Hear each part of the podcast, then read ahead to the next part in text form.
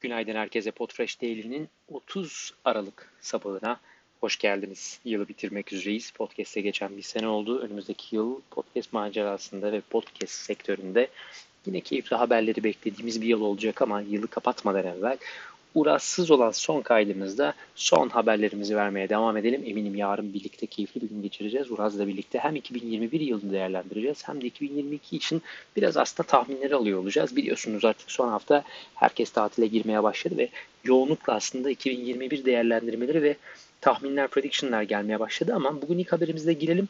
Her sene yapıldığı gibi, geçtiğimiz sene de daha doğrusu yapıldığı gibi Magellan AI ve Sounds Profitable podcast'i Brian Barlett'ın hazırladığı Sounds Profitable birlikte bir e, podcast sektör analizi daha doğrusu bir resmi çıkarıyor. Podscape adıyla bir infografik oluşturuyorlar ve hangi şirket hangi şirketi satın aldığı, hangi firmanın altında podcast mecrası ilgili hangi çalışmalar oluyor bir genel resmi çıkarıyorlar. Bunun içerisinde neler var aslında podcast ajansları, podcast medya satın alma e, ajansları ve firmaları, content üreticileri, hosting firmaları, büyük podcast oyuncuları, yatırımcıları, e, aynı zamanda bu işin data analytics tarafındaki ve ölçümleme tarafındaki firmalar gibi bütün firmalar aslında kim kime bağlı ve kim kimi en güncel zamanda satın aldığı ile ilgili bir çalışma hazırlıyorlar. Tabii ki geçtiğimiz sene birçok aslında e, satın alım gerçekleştiği için bu resmi, bu infografiyi yenilemiş vaziyetteler. Dolayısıyla bunun linkini bırakıyor olacağız.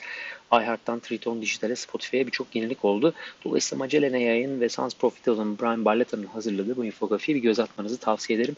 Bu yıl ne oldu ve kim kimi satın aldığı görebilmeniz için güzel bir çalışma olacak. Geçtiğimiz hafta biliyorsunuz aslında üzerine konuşmuştuk. Riverside e, yeni bir özellik duyurmuştu. Clips bu hafta kullanma şansınız oldu. Gerçekten çok güzel olmuş. Hatırlayanlarınız aslında bilir. Uzun süredir podcast mecrasındaki birçok kişi Headliner kullanıyor. E, dışarıdan da bunu ücretsiz olarak kullanabilme imkanınız var. Aynı zamanda Megaphone, Libsyn, SiriusXM, Akas gibi birçok platformda aslında Headliner ile anlaştı ve içerisine entegre etti ama Riverside bugün e, yine bu kaydı yaptığımız platform Riverside Anchor.fm e, uzaktan kayıt platformu stüdyosu kendi içerisinde bir klips özelliği ekledi.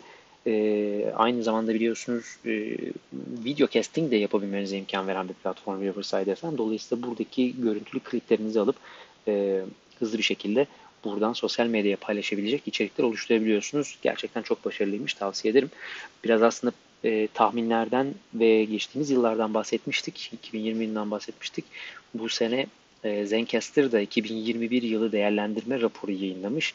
Detayına çok girmeyeceğim ama linkini paylaşacağım. E, kendi içerisinde neler değişti, ne özellikler getirdiler ve neler yapmayı planlıyorlar. Aslında burada biraz bilgi alabilirsiniz. Bunun da linkini bırakıyor olacağız.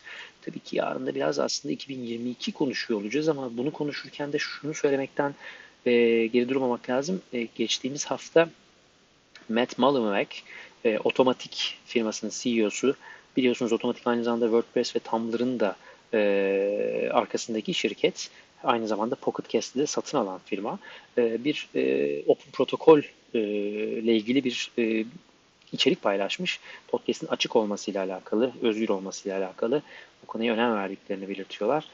Open Protocol Podcast'ten bahsederken de tabii ki Adam Curry'den bahsetmemek olmaz. Her seferinde anlatıyoruz biliyorsunuz. E, Podfather olarak geçer. Podcast'in mucidi.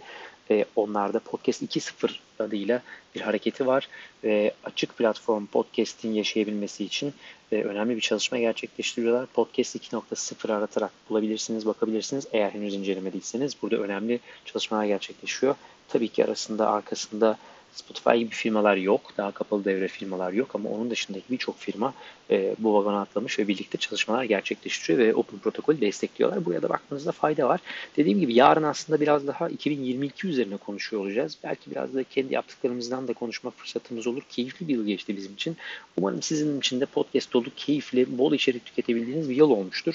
Yarın tekrar görüşmek üzere diyelim. Bugünlük biraz kısa bırakıyor olalım. Son haftaya geldik biliyorum aslında herkes yoruldu ve tatillerini yapmak istiyor ya da belki çoktan çıktınız. İnşallah keyifli bir hafta geçiyordur. Yarın görüşmek üzere.